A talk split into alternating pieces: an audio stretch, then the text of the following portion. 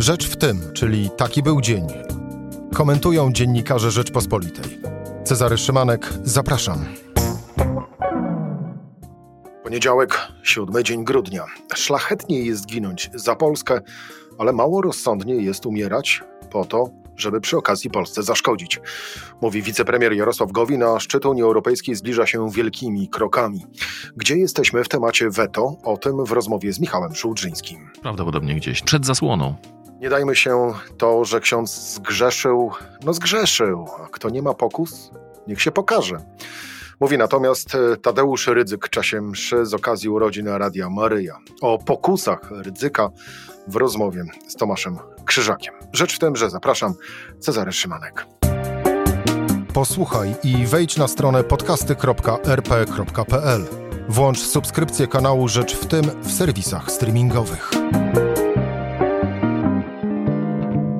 Wetowanie unijnego budżetu przed niczym nas nie uchroni, a tylko zapewni smutną przyszłość. W czwartek szczyt Unii Europejskiej, a dziś już moim gościem Michał Szułdrzyński, zastępca redaktora naczelnego Rzeczpospolitej. Michał, witam serdecznie. Dzień dobry, dzień dobry Państwu.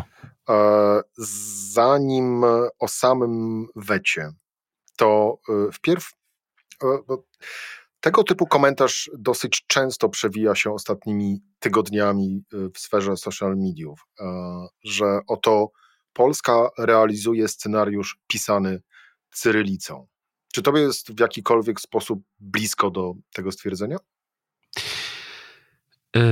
Chciałbym, żeby to nie był ten scenariusz, natomiast kompletnie nie rozumiem gry, którą e, prowadzi, no właściwie najważniejsza osoba w państwie e, w tej chwili, czyli e, Jarosław Kaczyński, bo z jednej strony dochodzą sygnały mówiące o tym, że on uważa, że jednak korzyści z obecności w Unii Europejskiej są na tyle wysokie, no i ma doświadczenia człowieka, który przeżył wiele lat w PRL-u i wcale nie ma E, ochoty czas, czasu cofać, e, ale z drugiej strony są, są sygnały mówiące, że jest bardzo mm, e, rozczarowany tym, jak Unia Europejska wygląda naprawdę.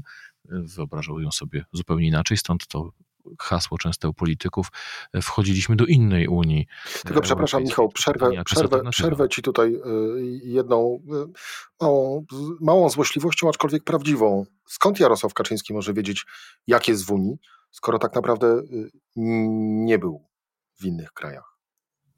No a Ka każdy wie, jak jest w Unii. Przecież można, wystarczy włączyć TVP Info i wtedy wiemy, że tam w Unii jest zepsucie, degeneracja i, i, rozkład moralny, a nawet nie TVP Info, no przecież wszyscy wiedzą, co się wyprawia w Brukseli na przyjęciach. Widzę, że poczucie humoru, Michał, cię nie opuszcza na moją, y, ale prawdziwą złośliwość. Ty z kolei odpowiadasz, y, odpowiadasz ironią, ale już na, na, na poważnie. I raz jeszcze wrócę do owego, owego stwierdzenia czyli y, scenariusz pisany cyrylicą.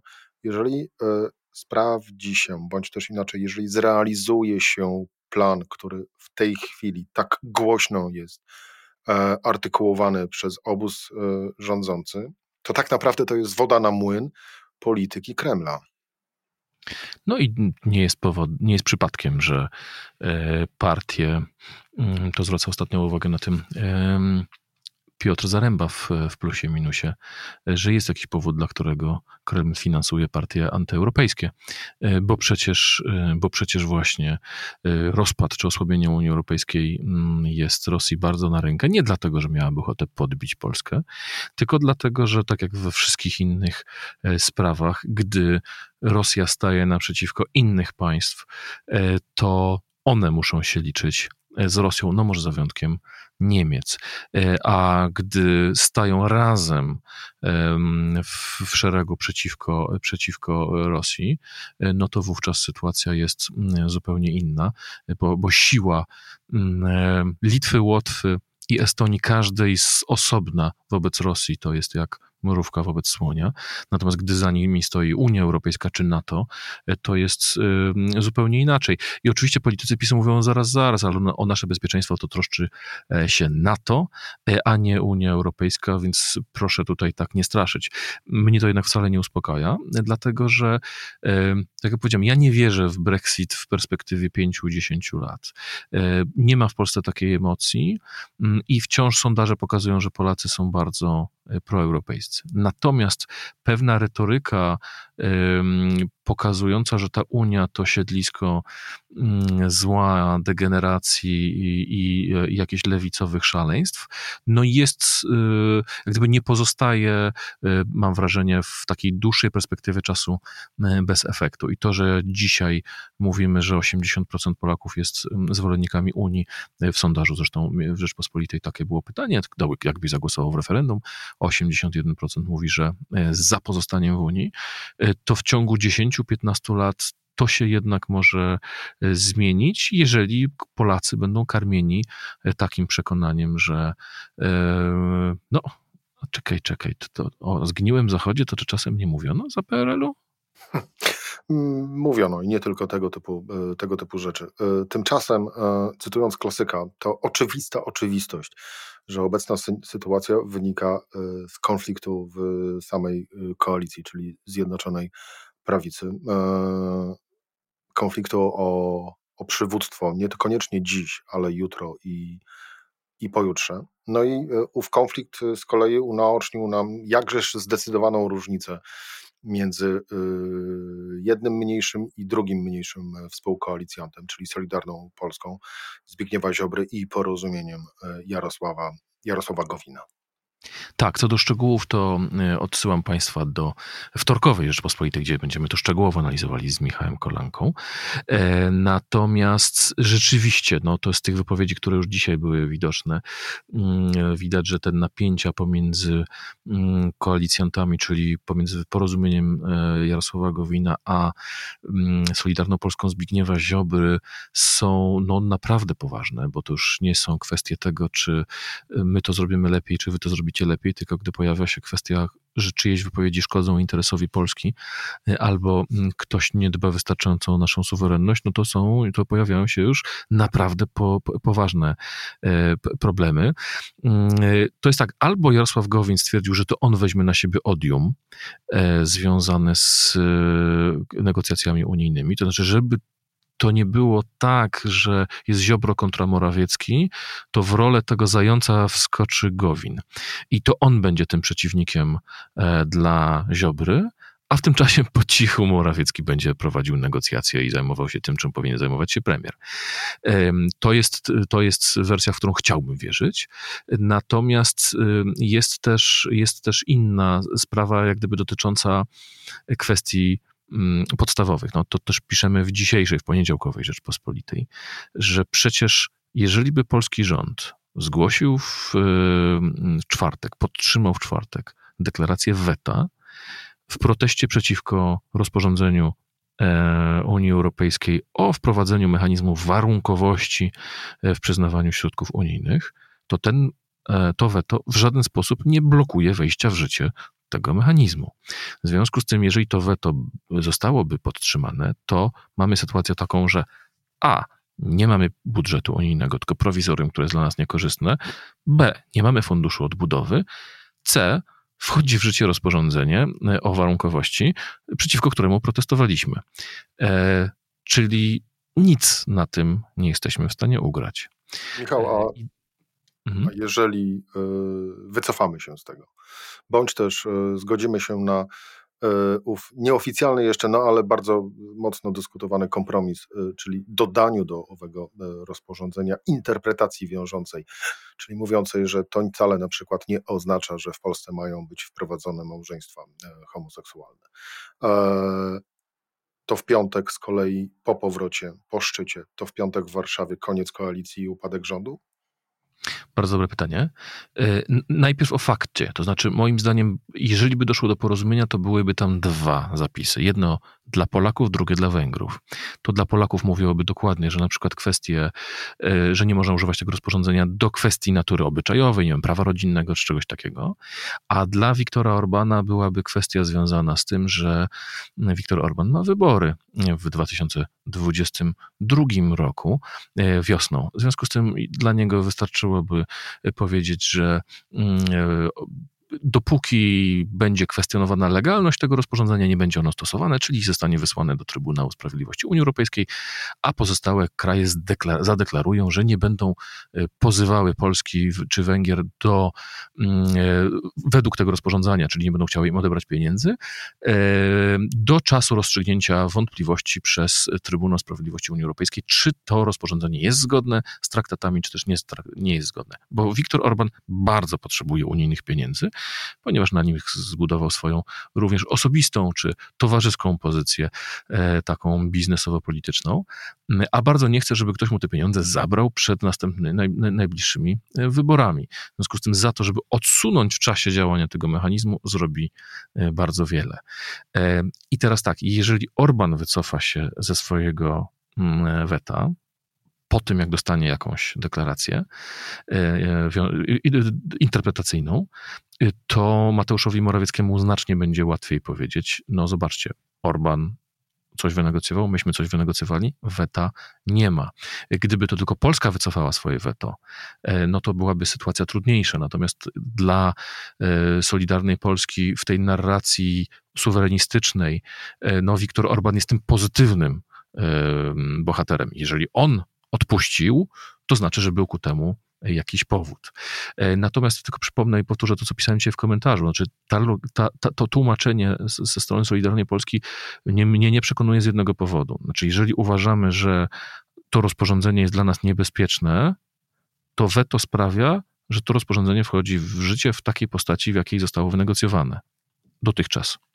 Natomiast jeżeli uważamy, że ono jest dla nas niebezpieczne, no to w naszym interesie nie jest wetowanie, żeby ono weszło tak jak dzisiaj, tylko jest dopisanie do niego takiej procedury, e, takiej interpretacji, która nas powinna zabezpieczyć. Dlatego, że jeżeli my zgłosimy weto, no to ta, to rozporządzenie wchodzi w życie w postaci takiej, jaką zaproponował Parlament Europejski. Ono zostanie zmienione tylko wtedy, jeżeli podczas szczytu dojdzie do jakiegoś kompromisu. W związku z tym tak naprawdę propozycja Solidarnej Polski, nie podpisujmy się pod tym dokumentem, ponieważ on jest e, niezgodny z traktatami i będzie zły, jest tak naprawdę nielogiczna, bo to, to znaczy, że to mówi de facto nie róbmy z tym nic i pozwólmy temu wejść w życie w takiej postaci, w gorszej postaci, tak jak oni twierdzą, że to jest złe dla Polski, e, niż gdyby do tego dodać jakieś, jakieś wiążące interpretacje. Nie jestem w stanie zrozumieć y, tej, logiki e, Solidarnej Polski. No ale żeby y, tak się stało, czyli żeby Solidarna Polska coś zrozumiała, no to musiałaby częściej bywać w Brukseli niż na mszach świętych u Tadeusza Rydzyka. E, Michał Szulżyński, e, Rzeczpospolita, dziękuję Ci bardzo za rozmowę. Dziękuję bardzo, do usłyszenia. A wspomniany Tadeusz Rydzyka, właściwie Tomasz Krzyżak, komentujący słowa Tadeusza Rydzyka już za chwilę. Rzecz w tym, że to jest podcast Rzeczpospolitej. Nie dajmy się. To, że ksiądz zgrzeszył, no zgrzeszył, a kto nie ma pokus, niech się pokaże. Te słowa przejdą zapewne do historii. Tadeusz Rydzyk podczas rocznicowej mszy zorganizowanej w 29. urodziny Radia Maryja w Toruniu tak właśnie mówił. Wzięli w owej mszy udział czołowi politycy partii rządzącej, szef resortu sprawiedliwości Zbigniew Ziobro i kierujący resortem obrony Mariusz Błaszczak, wiceminister klimatu i środowiska Jacek Ozdoba, wiceminister sprawiedliwości Michał Woś, wiceprezes PiS Antoni Macierewicz i europoseł PiS Ryszard Czarnycki. Żaden z nich nie wyszedł. Tomasz Krzyżak moim gościem, Rzeczpospolita. Witam Cię Tomku. Dzień dobry Państwu, dzień dobry Panu, Panie redaktorze. E, ciebie nie było na owej mszy.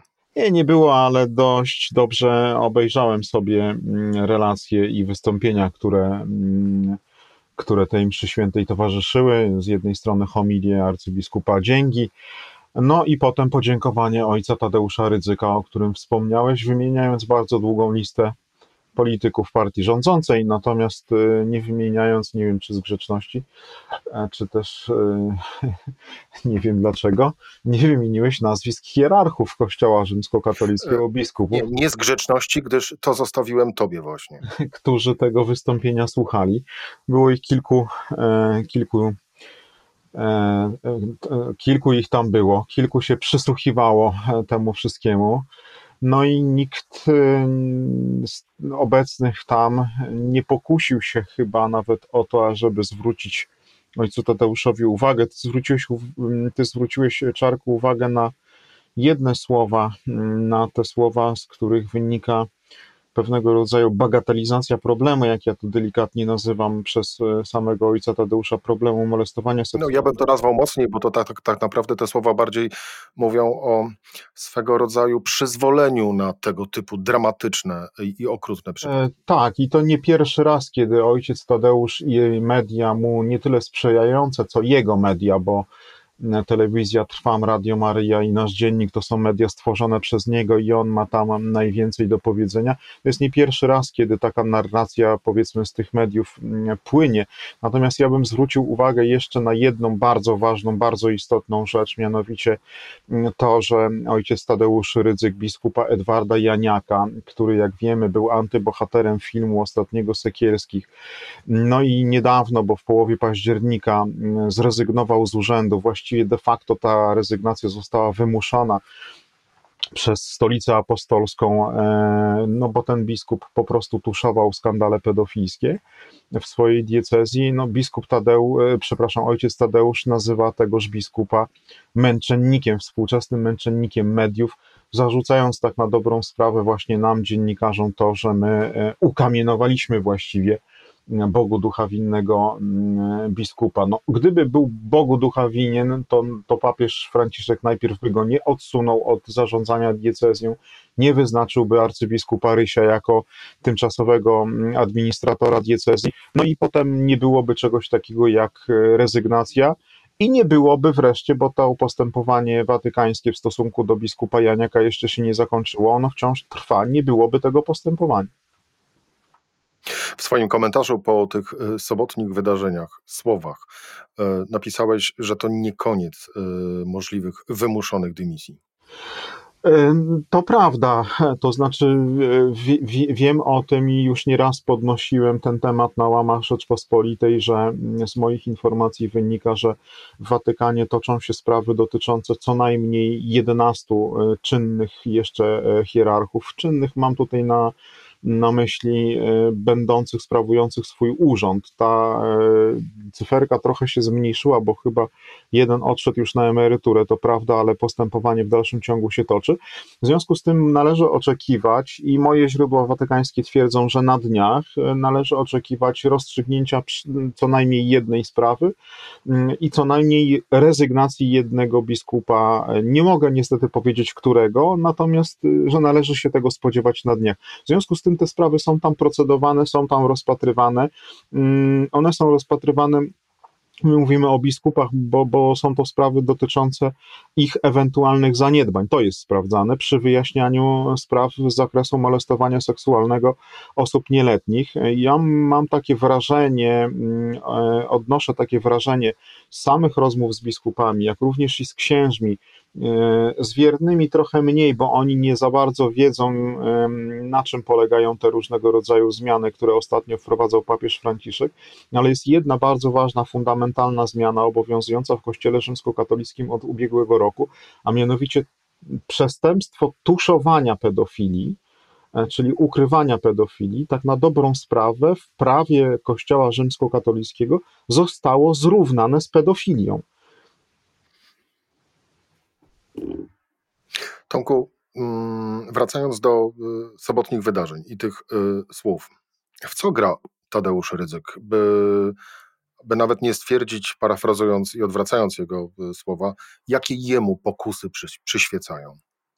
Ja szczerze mówiąc nie potrafię sobie, że tak powiem, mm, poukładać tego dokładnie, w co gra ojciec Tadeusz Rydzyk, poza tym, że on zawsze szedł jakoś pod prąd obowiązującej narracji. I to, mm, że dzisiaj my do niego mamy jakieś pretensje i podnosi się do niego jakieś pretensje związane z wygłoszeniem przez, nich, przez niego takich, a nie innych słów, mm, to jest już kolejna sprawa, tak? To znaczy, ja bym powiedział tak, że być może tutaj jakiejś specjalnie wewnętrznie dłuższej gry obliczonej na jakąś długofalowe zwycięstwo mm, nie ma, natomiast same słowa ojca Tadeusza, i to, co on robi, i to, co robią mm, przynależące do niego media, to jest kwestia wynikająca z pewnej mentalności wciąż pokutującej e, w wielu osobach, mianowicie, że ksiądz jest w pewnym sensie uosobieniem, mm, uosobieniem Boga, a w związku z tym e, jest jakąś istotą e, od nas o niebo lepszą, doskonalszą i w związku z tym należy mu się pewien szacunek i nie możemy na niego powiedzieć żadnego złego słowa. Mm, tak przez całe lata były wychowywane te pokolenia kapłanów, to się już na szczęście zmieniło. Mm, natomiast cały czas pewna mentalność i tego typu myślenie występuje. To znaczy, oczywiście my nie możemy patrzeć na to, i być może ojcu Tadeuszowi, tak jak na gorąco w tej chwili też mm, o to chodzi, że wśród 30 tysięcy księży, którzy są w Polsce, może 1-2% to są ci, którzy byli, mm, czy też są jakimiś dewiantami, a więc stosunkowo niewielki odsetek.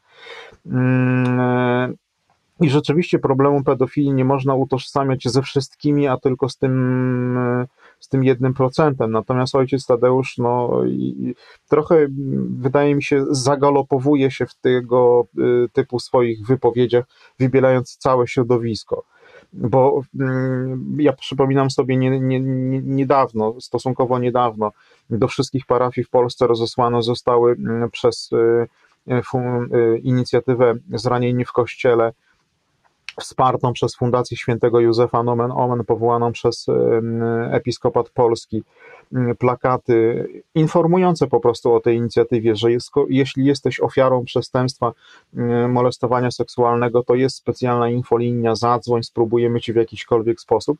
No i ojciec Tadeusz Rydzyk na przykład odebrał tą akcję jako szukanie na siłę pedofila w każdej parafii. No, do każdej akcji można dopisać jakąś interpretację, którą się, którą się chce. I ojciec Tadeusz tą, tą interpretację dopisuje. Ja się bardzo cieszę na przykład teraz z tego, że arcybiskup Wojciech Polak e, wystąpił do prowincjała redemptorystów z listem i z żądaniem wyjaśnienia, żeby wyjaśnić to, co się stało w Toruniu w sobotę.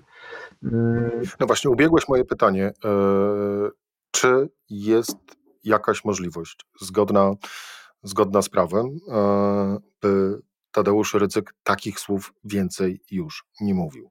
E, no oczywiście, że, mm, że, że istnieje zgodnie z prawem kościelnym taka możliwość. Niestety ona jest trochę poza zasięgiem polskich biskupów, dlatego że zakony rządzą się swoimi prawami i dla, zakon, dla zakonnika jego przełożonym jest no właśnie, jego przełożony, to znaczy w tym przypadku prowincjał, i ten prowincjał w pewnym sensie jest zrównany w prawach z biskupem.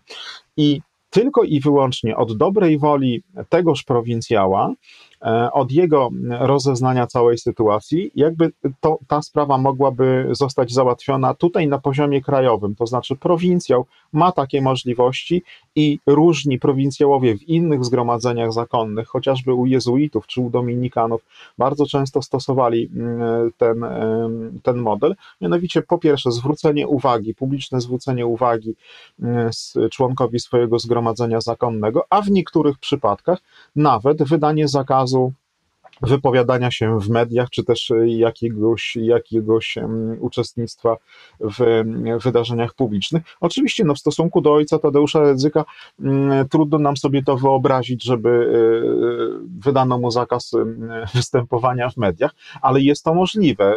Dlaczego? Ja sobie, ja sobie potrafię znaczy, no, Ja też sobie wyobrazić. to potrafię wyobrazić, natomiast... Byłoby to pożądane. Natomiast też z drugiej strony ja myślę, że przed tym, e, przed podjęciem takiej decyzji jest też pewnego rodzaju obawa ze strony, nazwijmy to szeroko pojętego środowiska Radia Maryja. To znaczy, zostawiam tu na boku tych polityków, których ty wymieniałeś na samym początku, bo ich też należałoby pewnie w jakimś szerokim zakresie mm, e, do tego środowiska zaliczyć. Natomiast myślę tutaj o takich zwykłych, prostych ludziach, którzy mm, e, codziennie, mm, codziennie Radia Maryja słuchają i codziennie się w pewnym sensie z jednej strony otrzymują tam strawę duchową, z drugiej strony no właśnie tą e, powiedzmy indoktrynację. E, myślę, że tu jest obawa właśnie o reakcję tych ludzi. E, to znaczy, co się stanie, jeżeli prowincjał e, redemptorystów, ojciec Janusz Sok, wydałby na przykład zakaz występów publicznych ojcu Tadeuszowi Rydzykowi? Czy to się nie skończy na przykład protestami pod kurią e, redemptorystów w Warszawie?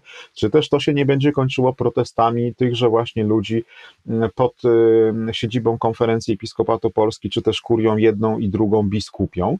Ja myślę, że to jest w tej chwili rozważane. Redemptoryści wydali bardzo ostrożne mm, oświadczenie. Z tego oświadczenia właściwie niewiele wynika.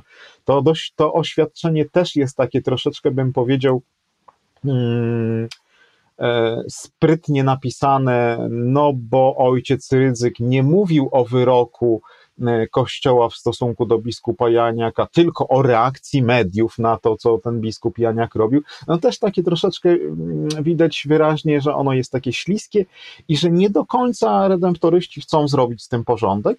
Natomiast wydaje mi się, że polscy biskupi, jeżeli tylko będą chcieli, a ufam, że, że, że chcieć niektórzy przynajmniej będą, no mają możliwość naciśnięcia pewnych przycisków, czy to w nuncjaturze apostolskiej w Warszawie, czy też bezpośrednio w Watykanie.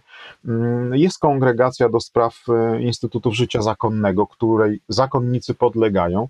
No, słabo byłoby dla ojca Tadeusza i w ogóle dla rodym turystów, gdyby się tym Watykan, e, nad tym Watykan pochylił. Ale znowu, przepraszam za, za mój słowotok, bo to mm, e, jest też istotne. Biskupi, a przynajmniej jeden biskup w Kanadzie e, z ojcem Tadeuszem Rydzykiem sobie poradził po skargach, jakie otrzymywał od wiernych i od księży w tamtej diecezji, no wydał decyzję o tym, że on sobie nie życzy, ażeby tego redemptorystę z Polski zapraszać do jakiejkolwiek parafii w jego diecezji. No i można, można. Dlatego, dlatego właśnie mówiłem, że ja sobie jestem w stanie to e, wyobrazić, mając w pamięci właśnie ów przypadek opisany e, przez ciebie. Ja wrócę jeszcze do owej, na koniec, ostatnia kwestia, do owej e, pokusy, o której mówił Tadeusz Rydzyk. Nie wiem, czy zauważyłeś, że nie, nie, nie wymieniam słowa ojciec, mówiąc Tadeusz Rydzyk.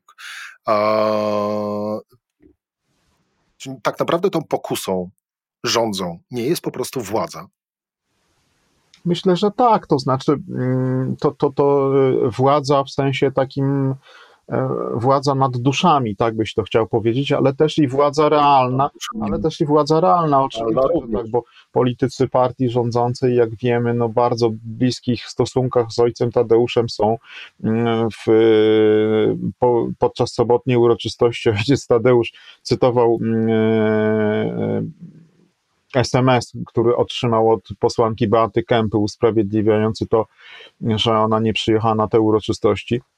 Mm, tak, ja myślę, że tu jest kwestia, kwestia władzy.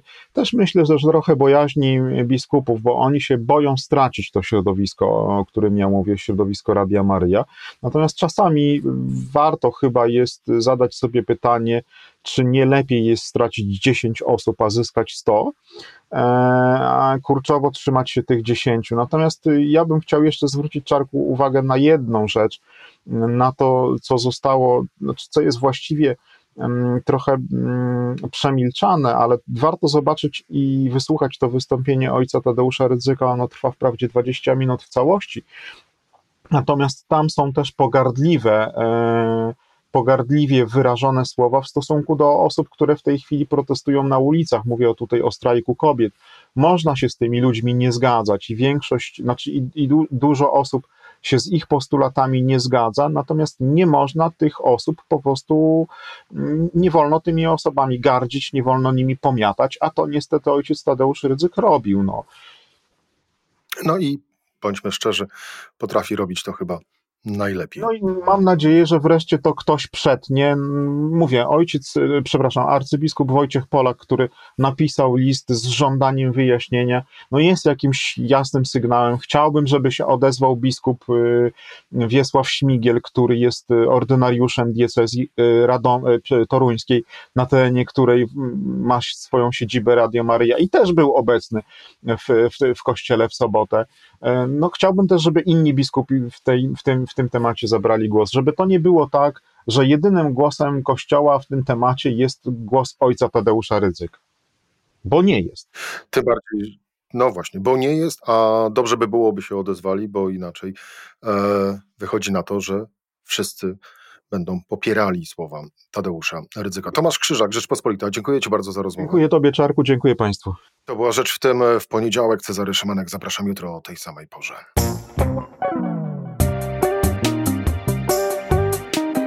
Rzecz w tym to codzienny program Rzeczpospolitej. Od poniedziałku do czwartku o godzinie 17.